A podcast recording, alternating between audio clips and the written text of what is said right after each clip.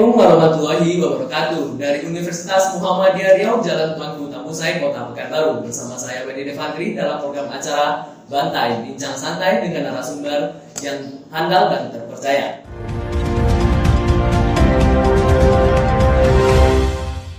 Adapun program acara ini bisa kita dengarkan di platform musik yaitu di Spotify, Google Podcast, dan Apple Podcast. Dan dapat disaksikan juga di live streaming di Instagram yaitu di himaep.umri dan ekonomi pembangunan umri.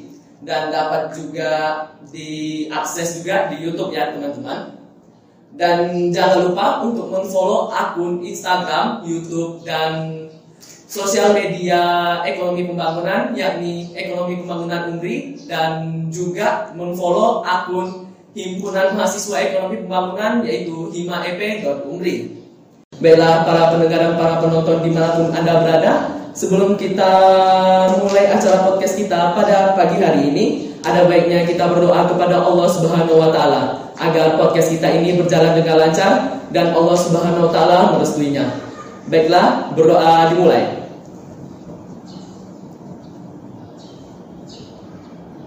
Berdoa selesai Baiklah, adapun acara podcast kita pada hari ini berjudul keadilan negaraku? Apakah masih aman? Mengapa dan kenapa saya membawakan acara podcast berjudul seperti ini? Berdasarkan info yang sedang booming pada beberapa hari yang lalu di akun Instagram Badan Eksekutif Mahasiswa Universitas Indonesia ataupun disingkat dengan BEM Eh, memposting sebuah foto di mana foto tersebut terpampang jelas dengan foto Bapak Presiden RI yakni Bapak Presiden Insinyur Haji Joko Widodo yang di mana BEM UI tersebut memberikan julukan kepada beliau yakni The King of Lip Service atau disebut dengan Raja Membual. Dari postingan tersebut dipenuhi dan dibanjiri oleh komentar netizen yang di mana ada komentar positif dan ada juga komentar negatif. Berdasarkan artikel dari CNN Indonesia, seorang lulusan dari Universitas Indonesia sekaligus penjabat pemerintahan yaitu Bapak Fadlizon mengatakan sangat kecewa sekali dengan aksi dari BEM Universitas tersebut. Terkait hal itu, Rektor Universitas Indonesia memanggil dari staf jajaran Badan Eksekutif Mahasiswa Universitas Indonesia. Namun berbanding terbalik dari Bapak Irwan, Wakil Sekretaris Jenderal Fraksi Partai Demokrat mengatakan jangan memutuskan atau boleh atau tidak boleh menjadi alat untuk mematikan daya daya berpikir kritis dari mahasiswa tersebut. Dari info nasional kita berlanjut ke Provinsi Riau bertepatan di Kota Pekanbaru. Dengan kasus yang sama yakni dari Gubernur Riau, Bapak Samsuan membawa laporan ke pihak polisian. Berdasarkan artikel dari detik.com yang Adapun laporan yang dibuat oleh beliau yakni foto beliau diedit menjadi gelap Menanggapi hal tersebut, masa aliansi mahasiswa penyelamat uang negara yang dikoordinir oleh Al-Qadri mengatakan sikap Bapak Samsuar dinilai anti kritik lantaran dinilai seperti anak-anak dan kepanikan.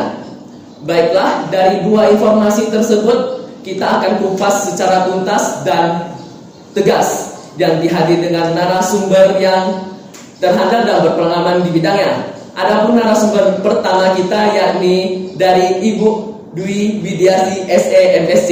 Selamat pagi Ibu. Bagaimana kabarnya Bu? Alhamdulillah masih sehat ya. Alhamdulillah. Masih ini kita. bagaimana Bu kegiatan Ibu hari ini? Sibuk atau bagaimana Ibu? Ya itu ya sebelum uh, sebelumnya kan jadwal kita sepakati di semua ya kemarin. Ya, ya cuma karena ada mendadak apa dan kita majukan ya kita upload bukunya nggak masalah. Alhamdulillah. Ya seperti itu ya. Iya. ada yang waktu meluangkan waktu ya bu. Terima kasih bu. Baiklah. Uh, narasumber yang kedua kita ini datang dari Presma, yakni Presiden Mahasiswa, yakni Bang Noprio. Baik bang, assalamualaikum bang. Waalaikumsalam. Bagaimana kabar bang? Alhamdulillah baik juga. Uh, Ya masih seperti biasa mahasiswa dengan anak-anak perjuangan ya kan. Alhamdulillah. Baiklah, da, uh, kita bagi dulu ya uh, para penonton dan para pendengar di mana pun anda berada. Uh, kita bagi dulu sesinya yaitu ada dua sesi, yaitu sesi pertama kita berbincang langsung dengan Ibu Dwi, sesi kedua kita berbincang dengan Presiden Mahasiswa. Baik Bu, dari informasi yang saya bacakan tadi ini Bu, uh, menurut dari pandang Ibu nih, uh, Presiden RI kan uh, tugasnya kan itu me memimpin sebuah negara ya Bu. Nah, jadi Bu, dari pandang Ibu sendiri, bagaimana kinerja dari Bapak Presiden Jokowi dan beserta dari wakilnya Bu? Ini ditanya pandangan saya sebagai akademisi atau masyarakat umum ya? Masyarakat umum pasti ya betul. Iya. Dua-duanya. Iya, boleh juga Bang. Harusnya sinkron kan? Begini, kalau secara akademisi, tentu kita berbicara kinerja, tentu kita harus ada dasar, gitu kan? Ini nanti kan yang yang di- diminta kerjanya itu baik atau tidak baik kan begitu? Iya. Nah, kita mengklaim baik atau tidak baik itu tadi harus ada dasar. Secara akademisi itu apa namanya konteks pembahasan kinerja itu ya harus terukur. Gitu. Bisa nggak udah pulau masih bisa. Pemerintah aja berjalan dalam satu dua dua tahun itu sudah bisa lihat kinerjanya. Apalagi beliau itu kan sudah cukup panjang kan periodenya, itu harusnya sudah bisa kita nilai kinerjanya. Bagus apa tidak bu? Nah, saya, saya konsep akademisi saya itu kan eh, lebih ke fokus ke keuangan, gitu kan? Nah, jadi dari struktur keuangan pemerintah daerah, nanti daerah kita bicara ke pusat itu eh, saya rasa itu normal-normal saja, nah gitu ya. Artinya normal seperti apa ya trennya itu tidak ada masalah. Masalahnya sekarang eh, yaitu anggaran ya keuangan. Keuangan itu kan sudah disusun disusun sebelumnya tentu ada masukan dari berbagai kalangan pihak pembantu presiden dari DPR tim segala itu sudah masuk nah maka disusun satu anggaran dan tahunan kita kita yang dilaksanakan oleh pemerintah pusat itu kan tidak ada masalah nah ketika kita masuk ke masa kemarin pandemi mulai 2019 terakhir nah itu mulai kacau kita. Jadi bayangkan anggaran itu sudah disusun tapi tiba-tiba masuk pada masalah di akhir tahun Desember waktu itu. Nah itu udah mulai kacau kita. Bayangkan tidak kecuali di awal tahun disusun pokok kalau awal tahun tiba-tiba ada pandemi misalnya itu kan masih ada ada waktu penyesuaian. Masalahnya sampai akhir tahun baru tiba-tiba ada masalah. Nah itu kan agak kaget seluruh lini kemarin itu unsur semua kaget itu kan? Jadi makanya yang dibaca waktu itu 2020 itu kan ada kuartalan ya kan kuartalan kalau empat bulan itu di- dibaca itu memang langsung merosot. Nah dari situ masuklah celah ada apa namanya kritisi terhadap eh, struktur keuangan sudah disusun oleh pem- pemerintah seperti itu. Nah, memang kan standarnya setiap tahun kan disusun bukan begitu ya Nah, tapi anggaran yang disusun itu tentu harus didasarkan oleh eh, rekod rekod anggaran sebelumnya. Nah, pemerintah berdasar dari itu. Gak bisa kita tiba-tiba eh, itemnya A, B, C, D. Ubahlah langsung D, E, Z. Nah, bisa atau berikut nggak bisa. Harus ada rekam jejak tahun sebelumnya. Nah, begitu. Itu kan dasar kita menyusun struktur, eh, terutama angka-angkanya ya, eh, keuangan atau anggaran pemerintah pusat. Nah, begitu. Memang waktu itu dinilai kinerjanya apa namanya terutama variabel makro itu kan sangat bergejolak kalau saya lebih fokusnya ke pembahasan yang makro terutama moneter itu memang bermasalah inflasi kita ampun waktu itu. Nah itu kan pemicu kalau sudah itu tidak bagus fluktuasinya itu merembet ke mana-mana itu. Variabel makro terutama yang paling harus dijaga itu kan itu salah satunya inflasi nanti efeknya ke mana ke masa tenaga kerja. Hitam sumber daya manusia tuh ke tenaga kerja. Sana nanti kan bisa juga lari ke merembet ke lembaga keuangan. Nah, itu poin satu inti itu memang bergejolak sekali waktu itu. Artinya tidak stabil dia. Mau ke mana ke mana lari? Tahu. Jadi pukulannya ke pada makro yang paling inti kena kita semua. Itu kejadiannya. Nah sekarang kan sudah 2021 boleh kita cek? Itu kan sudah mulai stabil. Pemerintah sudah mengklaim itu sudah ini pertumbuhan ekonomi kita sudah positif. Itu dua kali saya ikut seminar terakhir dari Bank Indonesia waktu itu. Itu sudah ini kita sudah positif. Sementara ada beberapa negara lain Amerika Latin itu masih banyak yang masih minus. Eropa saja masih banyak yang minus. Sorry bukan banyak ya. Negara besar di Eropa itu masih memang ada peningkatan tapi masih ada juga penurunan di tiap kuartalan itu. Karena mereka masih banyak itu ya kasus cuman waktu itu Inggris kan waktu itu kan masih masih pandeminya masih sekali waktu. Itu belum bisa mereka handle. Nah, kita termasuk diklaim termasuk negara yang bisa memulih dalam efek dari itu. Nah, nah kita lihat lah nanti. Ini kan sudah masuk bulan berapa ini? Bulan Juli. Juli. Kuartal nanti uh, kuartal berapa kita itu empat delapan ke kedua nah itu kita lihat nanti. Lalu pemerintah itu PD kan? Nah, itu bisa ini stabil lagi bisa terus positif lagi. Nanti konsep resesi harus paham juga kalian resesi itu bagaimana itu harus kita lihat kinerjanya per kuartal. Nggak bisa satu periode kalau empat bulan nggak bagus langsung resesi nah bukan begitu. Nah, begitu ya. Lalu bisa kita nggak kok ini resesi ya dasarnya dari mana. Itu ya? Cuma masalahnya dari yang levelnya kesejahteraan bukan apa namanya pemerataan pemerataan kesejahteraan mungkin yang saya lihat yang di sana mungkin pernah kita negara besar juga kan pemerintah yang mungkin begitu nah kalau program makro saya rasa dari mudah stabil Uh, jadi bu, kalau misalnya dari ini kan Indonesia uh, dari pemerintah sendiri kan mengatakan itu kan udah positif ya bu. Nah, jadi kalau misalnya dibandingkan dengan negara Asia aja dulu bu, ya kan? Jadi itu Indonesia udah positif atau masih ada di tingkatan yang lainnya bu? Sudah itu uh, pembandingnya berapa itu ya Singapura ya? Bisa bisa dibilang setara kita dengan itu. Uh, karena per makronya ya, yang umumnya yeah. saja ya. Tapi kan kita tidak ke lini-lini tadi yang variabel yang penentu pemerataan kesejahteraan bukan di sana. Kita pasti pernah ke sana nanti. Nah. Tapi orang menaikkan tren pertumbuhan di mana? Nah, itu, nah ini kita udah bagus. Nah, Malaysia saja masih belum kita itu Kalau nanti kita inilah di kelas lebih kita apa kan tampilan data. Di, di kelas ekonomi monitor itu ya, itu ada saya share itu bahan apa tren perkembangan data ini. Kalau mau semester berapa? Semester dua loh. Dua kan? Matematik kan? Ya saya masih matematik. Belum ada kajian itu ya. Pasti senang share-share tabel perkembangan data itu senang saya. Nah begitu. Ya begini bu, dari apa? Tadi kita udah bahas juga nih ya bu kinerja dari presiden hmm. presiden RI beserta wakilnya juga bu. Nah ini berbicara lagi dari kegiatan BMUI-nya nih bu. Ini kan selaku ibu ibu ini kan selaku dosen ini kan bu. Nah jadi dari tindakan dari BMUI tersebut nih, apakah dinilai tidak sopankah atau bagaimana gitu bu? Nah gini, saya tuh kan apa tuh jadi kepo saya masa kalian kan kepo iya iya saya pantau itu Instagram ya iya saya juga kalian pantau apa tidak saya itu apa aktivitas rekam jejak digital Instagram mereka nah kesimpulannya itu menariknya begini itu kan diundang tuh uh, apanya uh, Mister Leonnya iya betul diundang itu ke kami kami Ilyas uh, YouTube-nya di kanal YouTube kami Ilyas jadi kesimpulannya itu apa jadi dari beliau Mr. Leonnya itu mengakui bahwa memang uh, dari segi tata krama lah saja cuma kenanya. Beliau menyampaikan uh, apa namanya uh, niatnya kan untuk kritikan. Tapi poinnya sebenarnya yang diklaim oleh pihak uh, rektorat. Kan ikut-ikut lagi yang itu ya? Yeah. itu kan sebenarnya bukan substansinya.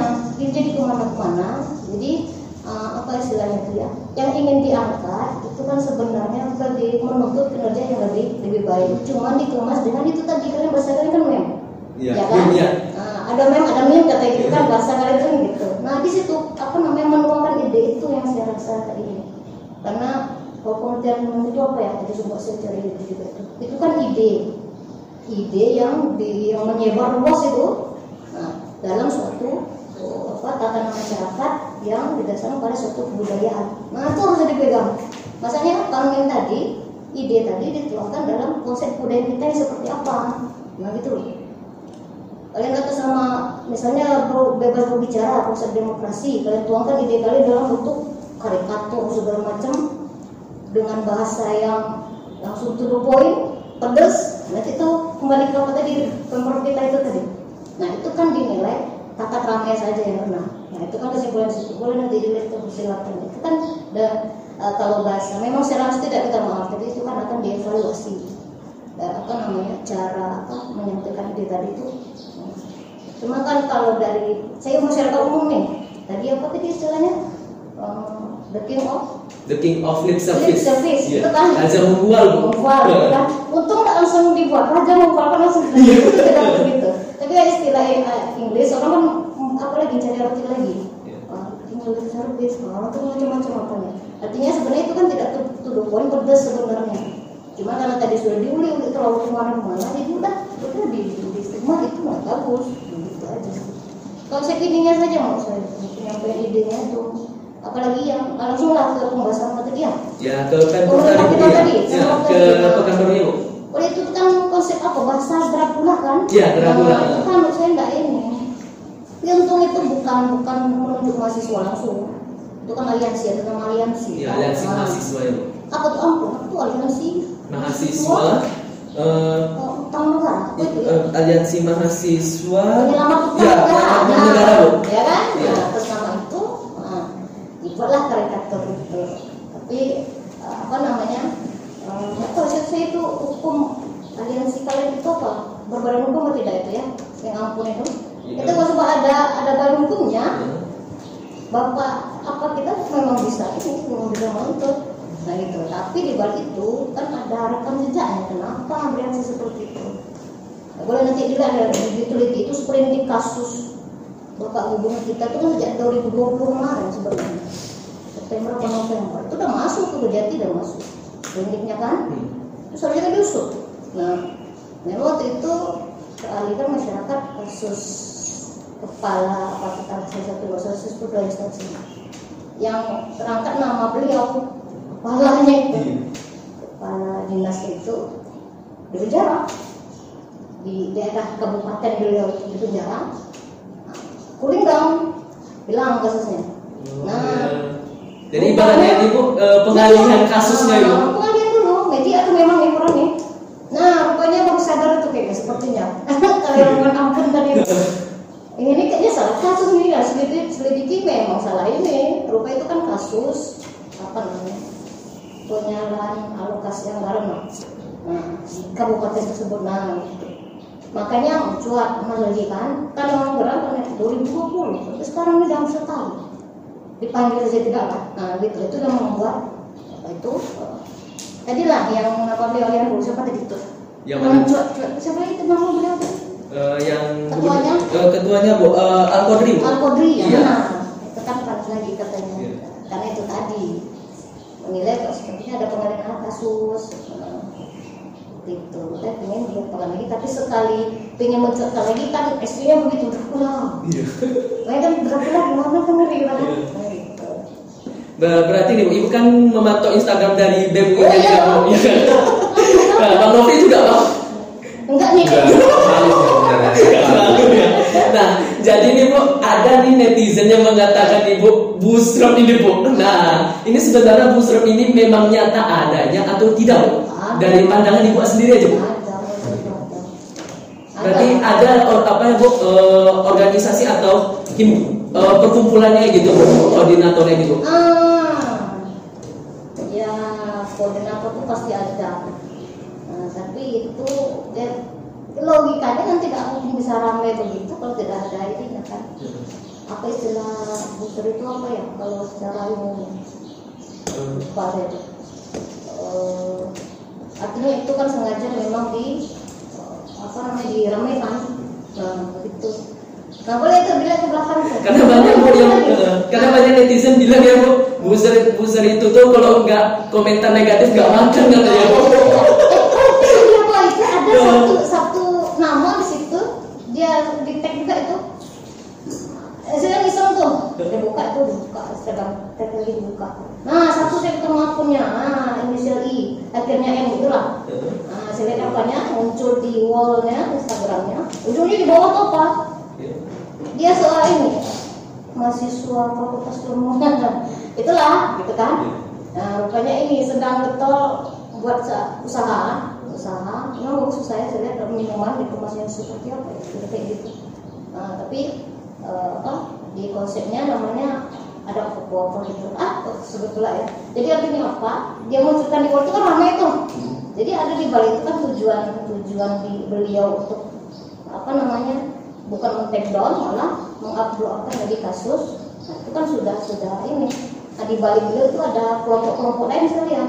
Nah jadi kan saya tidak langsung beritanya ramai, Instagramnya juga ramai, dia untuk blow up, tapi di balik itu dia punya tujuan lain.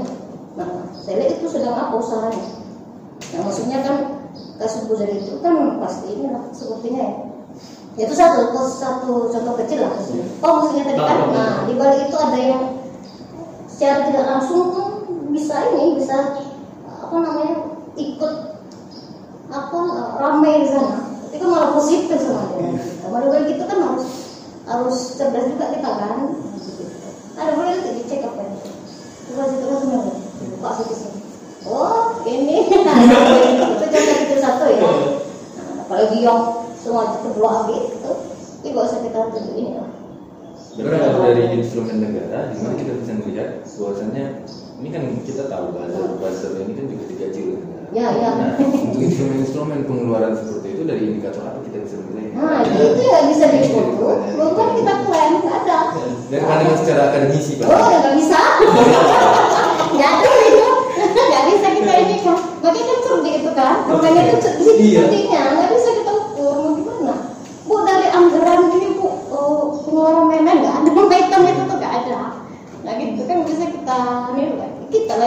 Bagus apa namanya analisanya tapi kita membloknya juga eh, secara ini bagus nah seperti itu kan. Orang pintar kan kita baru juga kadang-kadang oh, kita harus lebih pintar lagi kita bermainnya gitu.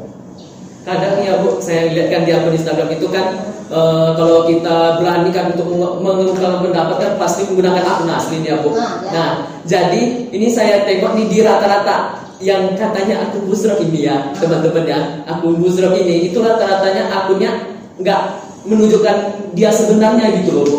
Nah, jadi apakah benar gitu Bu seorang buzzer itu tidak berani menunjukkan jati dirinya gitu Bu? Nah, itu udah udah udah satu kita ya. Uh, itu... Sanksi sosial mungkin Sanksi sosial berat. Um, eh, tapi bisa kok itu. Apa IT itu bisa ngomong apa rekam jejak yang pertama itu bisa. Hmm. Bisa. Kasus-kasus yang terkait IT kasus apa misalnya? porno porno aksi berapa artis misalnya. Nah kan dari ke situ kan? Itu kan tertutup. Sumber pertama hasil kan bisa. Bisa berarti ada kalau mau ya. Kalau mau bisa.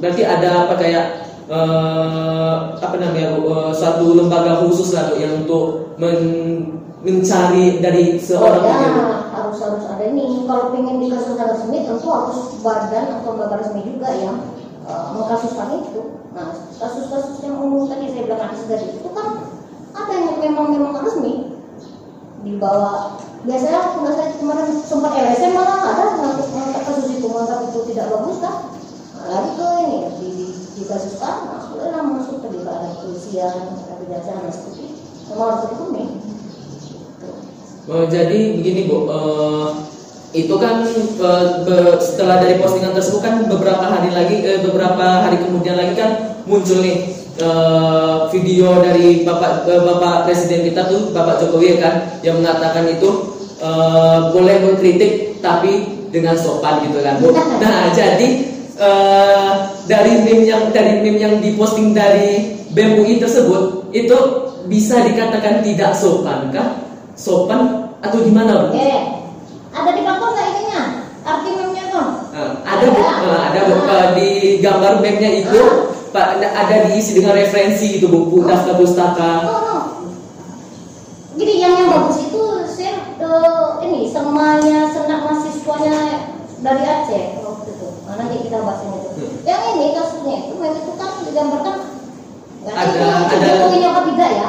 Itu ada pemimpin lagi duduk kayaknya kan harus oh iya. ya kan iya, iya. itu kan ada tiga di atasnya itu dibuat seperti tulisan uh, itu matinya matinya apa ya coba cek lah bem bem bem UI official itu tersebut lagi sama saya.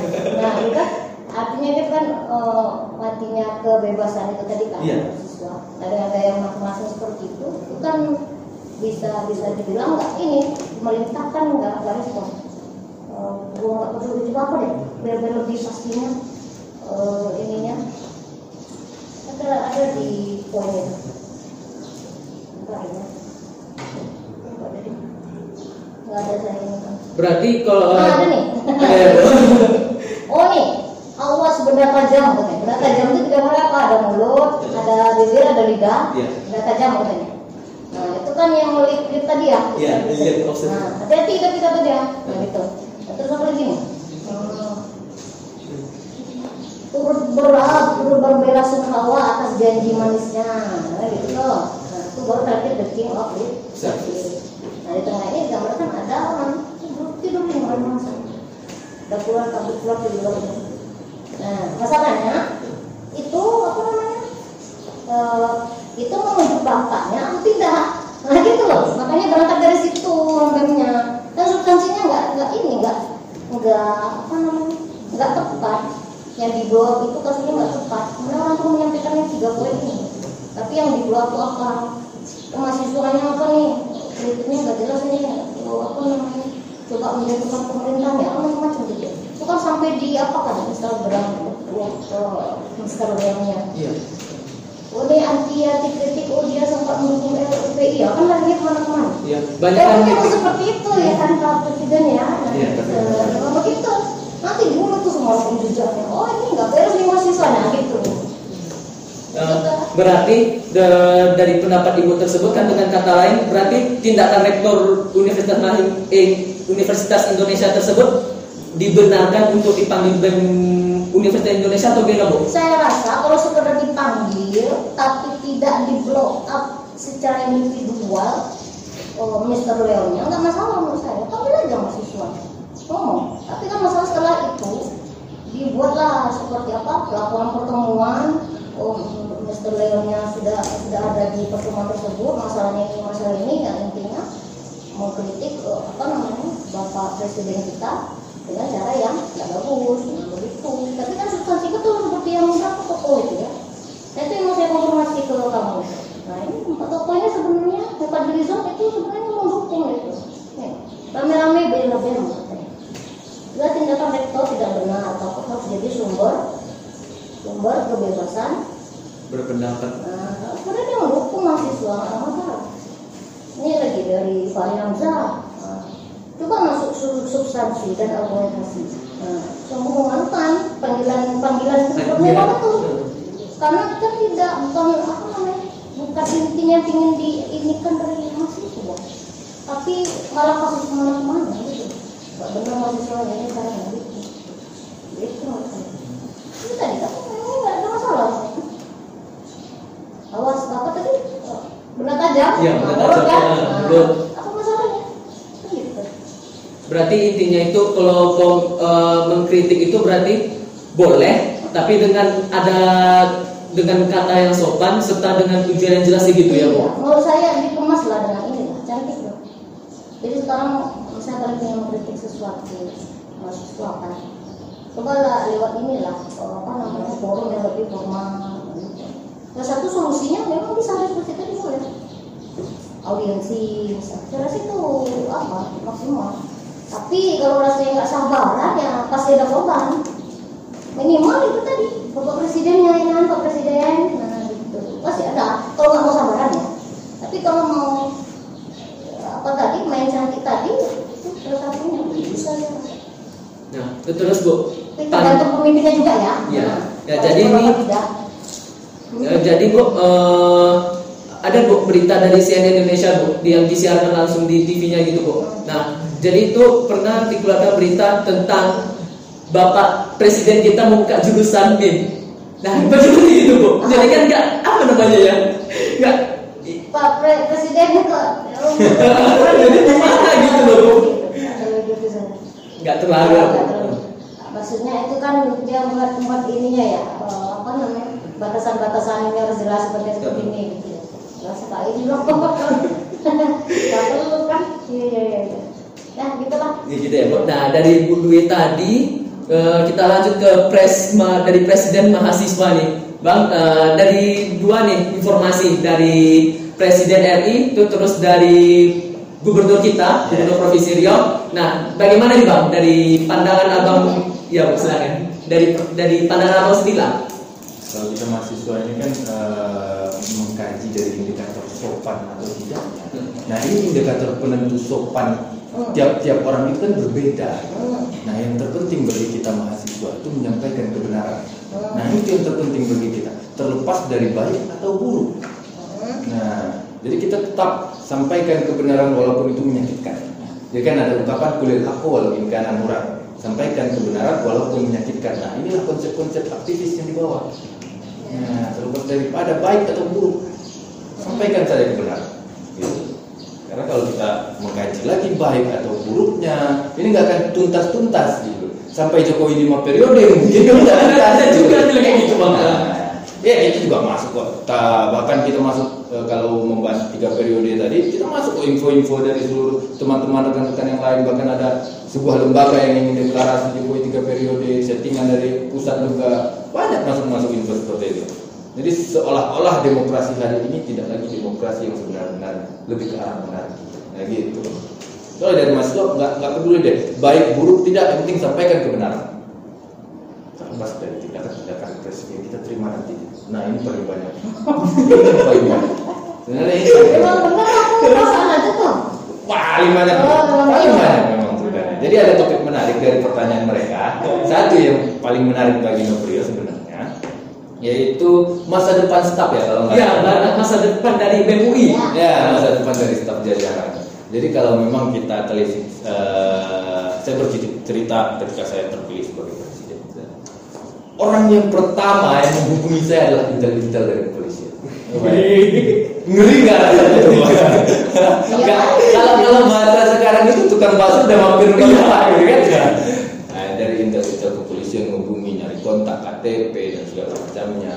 Nah ini jadi pertanyaan besar bagi kita. Kita seorang mahasiswa akademisi yang mencoba untuk menganalisis kebijakan-kebijakan pemerintah, pengawal dari eh, kebijakan pemerintah, orang-orang yang selalu mengkritik kebijakan pemerintah harusnya saudara, sahabat, anak yang selalu mengkritik kan, Nah, me- apa, memberitahu bahwasanya kebijakannya salah atau benar. Nah itu. Tapi kok langsung seperti ini tindakannya dari aparat. Nah, jadi bagi saya, ketika staf-staf eh, jajaran BEM melaksanakan kritik-kritik pedas dan konsisten melakukannya, bisa jadi. Yang paling dasar itu ya hal-hal sekarang dengan undang-undang karet, masuk jeblos penjara, ini sering terjadi kan. Saudara-saudara kita bahkan eh, apalagi yang indikator sopan santun yang kita bahas tadi contoh gubernur kita ngelaporin Al Kudri Hmm. gara-gara eh, ini karikatur Dracula Iya. Gimana ceritanya gitu loh. Kalau mungkin foto saya diedit seperti Dracula kan keren kan? Ya karena Dracula pakai jas gitu loh. Kalau kita kan pakai alma mater keringat-keringatan di jalan gitu. Nah, jadi jadi dari Jadi Nobrio tuh masalah tuh. nggak masalah indikator seperti itu nggak jadi penentu. Kadang bahasa eh, bahasa kita yang sudah halus di sini daerah kawan-kawan kita yang daerah Sumut Sumatera Utara itu jauh lebih keras kan? Nah konotasi mereka itu jauh lebih keras daripada kita. Jadi nggak penentu apa sih penentu indikator penentu dari sopan tadi. Untuk ragam budaya yang ada di Indonesia. Ini nggak bisa jadi penentu. Kalau kita nunggu itu kalau kita kaji itu nggak tuntas-tuntas kita ini mahasiswa kan? S1 ada belum yang mereka S3 bahkan nggak nentukan kebijakannya salah nggak mau terima gitu loh.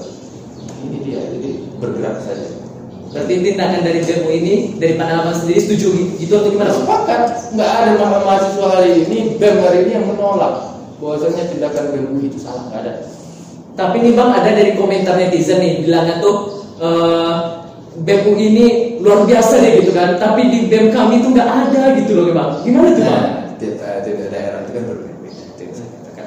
Punya permasalahan yang berbeda-beda, demografinya berbeda-beda, ada masalah yang berbeda-beda. Contoh hari ini kita udah menjabat dua tahun dan tidak ada pemilihan di BEM eh, Umbri sendiri. Nah, ini kan masalahnya berbeda-beda. Artinya nggak bisa kita patokkan gitu.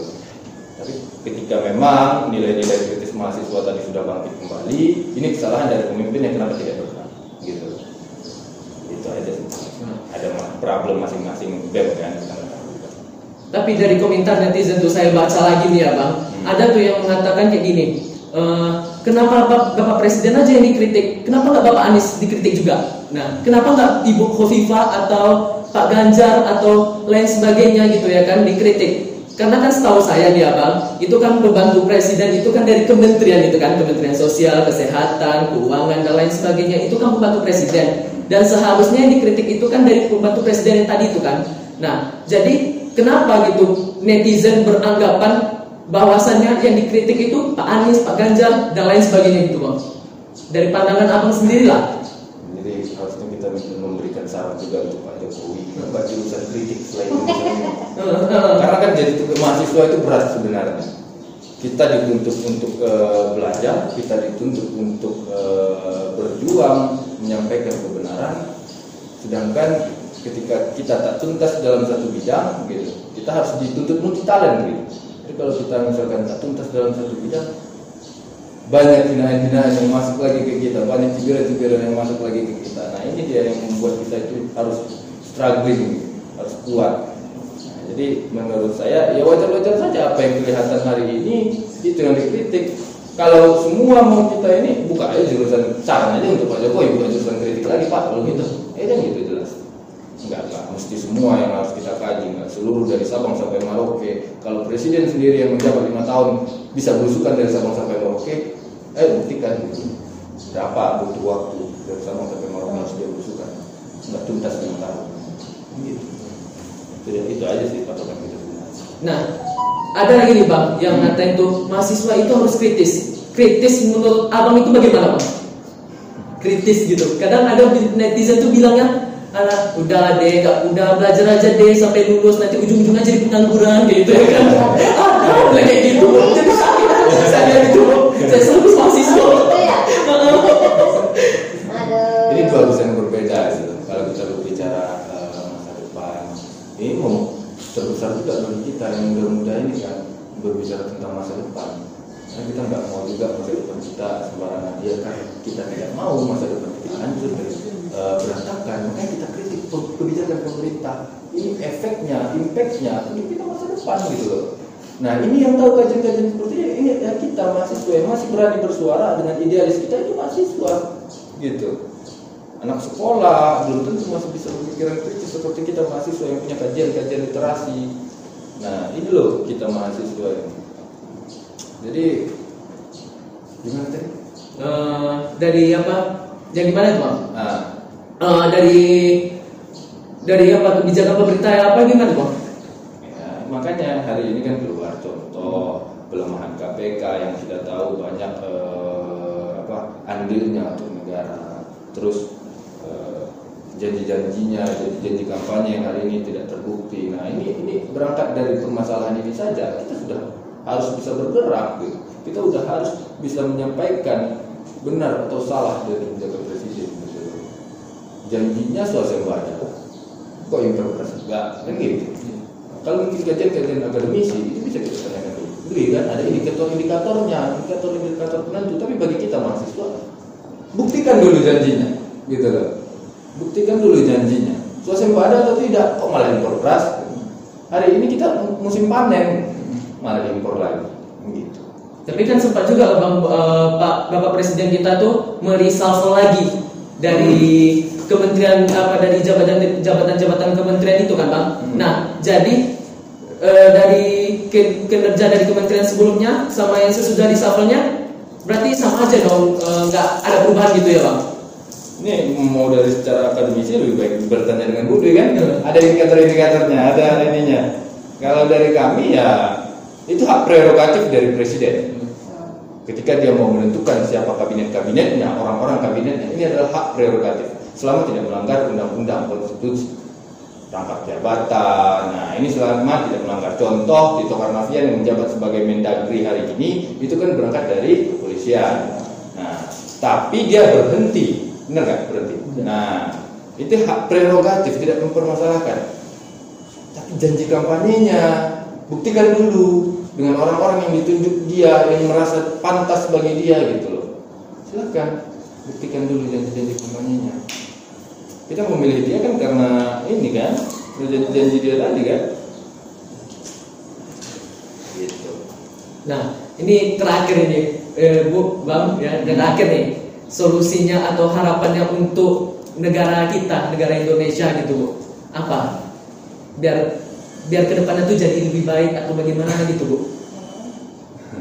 Eh, ini terkait pembahasan kita hari ini atau secara umum? Secara umum, Bu, dari dua informasi tadi nih, Bu. Ah, berarti dikaitkan dengan kasus tadi. Iya. Oke.